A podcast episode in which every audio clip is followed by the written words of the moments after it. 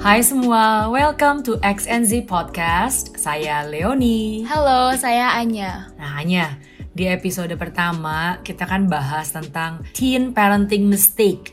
Nah, apa tuh? Kesalahan yang umumnya orang tua lakukan saat membesarkan anak-anak remaja mereka. Yang pertama mungkin orang tua yang kurang atau belum kasih ruang untuk anak remaja yang ngerjain itu sendiri. Semuanya diambil keputusan untuk anaknya. Dia anaknya nggak dianggap sebagai orang dewasa. Sampai orang tuanya benar-benar sampai ngurusin keseharian anak remajanya. Sampai anaknya nggak bisa belajar mandiri. Banyak nggak tahu. Dan orang tuanya akhirnya masih banyak take over dan ngerjain ini itu deh buat anaknya. Nah, ada seorang hamba Tuhan namanya Pak Michael Densmore. Dan dia bilang, saat anak masuk remaja, ada orang tua yang pegang anak remajanya itu tuh seperti pegang balon. Orang tuanya tuh kontrol total dan orang tuanya tuh pegang erat-erat. Dan ini nggak efektif dalam parenting teens. Gambaran yang lebih tepat untuk orang tua remaja adalah orang tua yang main layangan. Orang tua itu harus menolong supaya layangan itu tuh bisa terbang semakin tinggi. Waktu ada angin yang besar, tali tentu perlu dipegang erat-erat supaya layangan itu nggak terlepas hilang atau tidak jatuh ke bawah. Dan waktu ada angin sepoi-sepoi, layangannya bisa pelan-pelan terangkat. Nah, orang tua itu pelan-pelan melonggarkan tali supaya layangannya bisa terbang lebih tinggi, lebih jauh. Orang tua perlu menerima kenyataan bahwa anak mereka ini nih sudah tambah besar. Orang tua bisa aja mengontrol terus anak remajanya. Atau orang tua itu bisa memilih untuk menolong anak-anak remaja mereka mengarahkan supaya anak-anak remaja ini bisa mencapai tujuan yang agung yang ada di dalam hidup mereka masing-masing. Itu tips yang pertama yang sudah dibahas di episode sebelumnya yaitu parents perlu learn to let go. Tips yang selanjutnya ada di dalam artikel The Greatest Teen Parenting Mistake di crosswalk.com adalah hold them accountable. Artinya tuh minta pertanggungan jawab dari anak atas pilihannya sendiri. Dalam kata lain, biarkan remaja ini menanggung konsekuensi dari actionnya dia sendiri Kepikir contoh gak? Kayak kalau lupa nyapu jadinya harus nyapu tiga hari selanjutnya. itu kayaknya urusan sapu dan menyapu dan ngepel ini uh, going across season 1 Iya emang. Dan season 2 Sangat berkesan. kasih contoh satu nih. Misalnya orang tuanya beliin HP baru. Lalu anaknya suka sembarangan taruh sini, taruh situ, lalu hilang. Nah, tunggu dulu nih ya. Biasanya nih, kalau sesuatu didapatnya gampang, mau beli langsung dikasih. Mau yang mahal langsung dikasih. Umumnya apresiasi itu akan berkurang.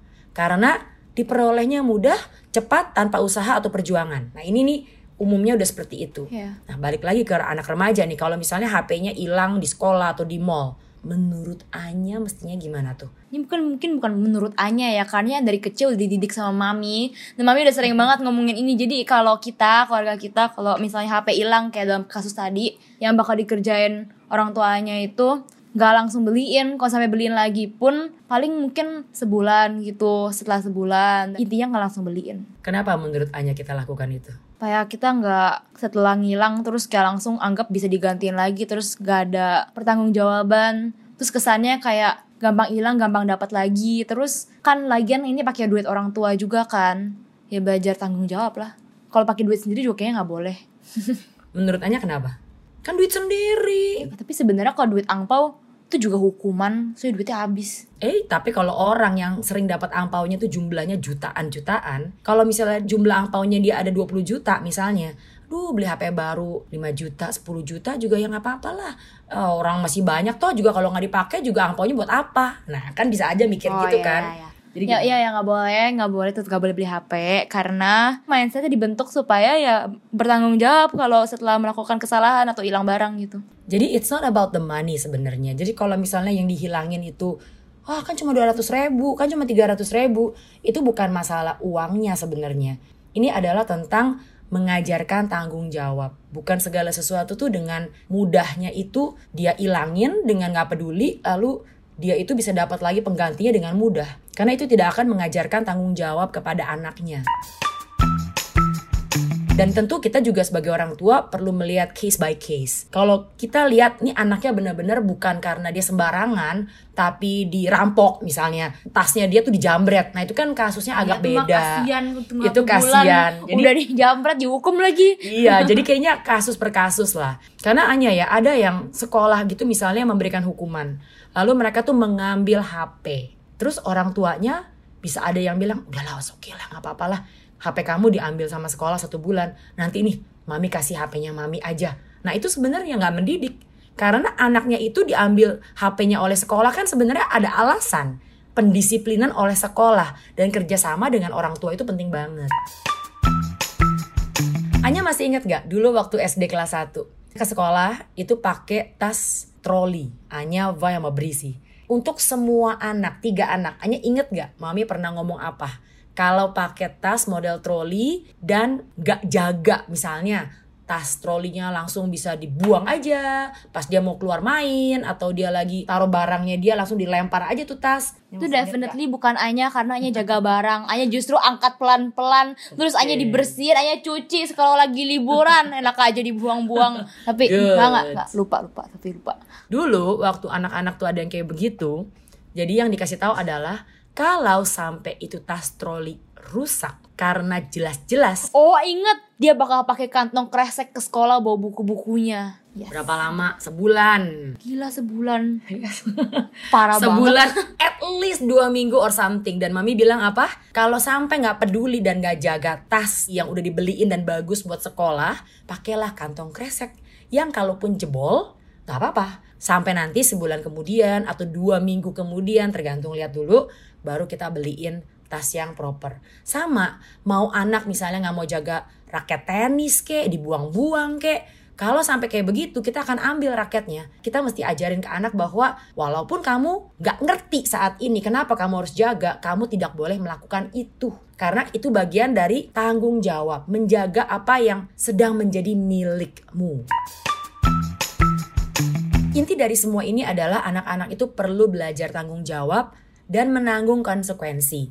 Ini bagian dari mendidik mereka untuk menjadi lebih dewasa juga. Dan pada saat orang tua mau mengaplikasikan didikan ini, disiplin atau konsekuensi, gak mudah karena anak-anaknya itu bisa menolak, anaknya bisa nangis-nangis, lalu nanti mamanya mau mendisiplin, papanya iba, neneknya iba, langsung udahlah nggak apa-apa lah, nggak apa-apa lah. Nah ini, ini semua menjadi kompleks. Jadi hal ini memang perlu dibicarakan antara papa dan mama untuk bisa menjadi satu tim. Jangan satu pihak mau mendidik, pihak yang lain nggak mau. Dan akhirnya anaknya bingung dan anaknya tidak didisiplin sama sekali dan anaknya tidak menanggung konsekuensi sama sekali. Para pendengar sekalian, setiap keluarga itu unik ya. Ada yang mengajarkan tanggung jawab kepada anak-anaknya sejak kecil, ada yang kurang mengajarkan, kurang menuntut anak-anaknya untuk bertanggung jawab saat anaknya salah misalnya. Untuk para pendengar generasi Z, apa pun kondisi keluarga kalian, satu hal yang pasti, kalian sudah cukup usia untuk bisa memilih.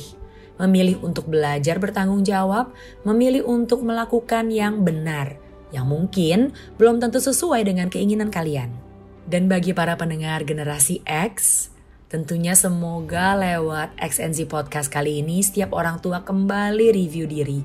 Seperti apa sih pendekatan kita selama ini kepada anak-anak remaja kita?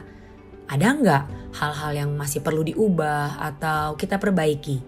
Kiranya Tuhan menolong setiap kita, apa pun kondisi keluarga kita masing-masing.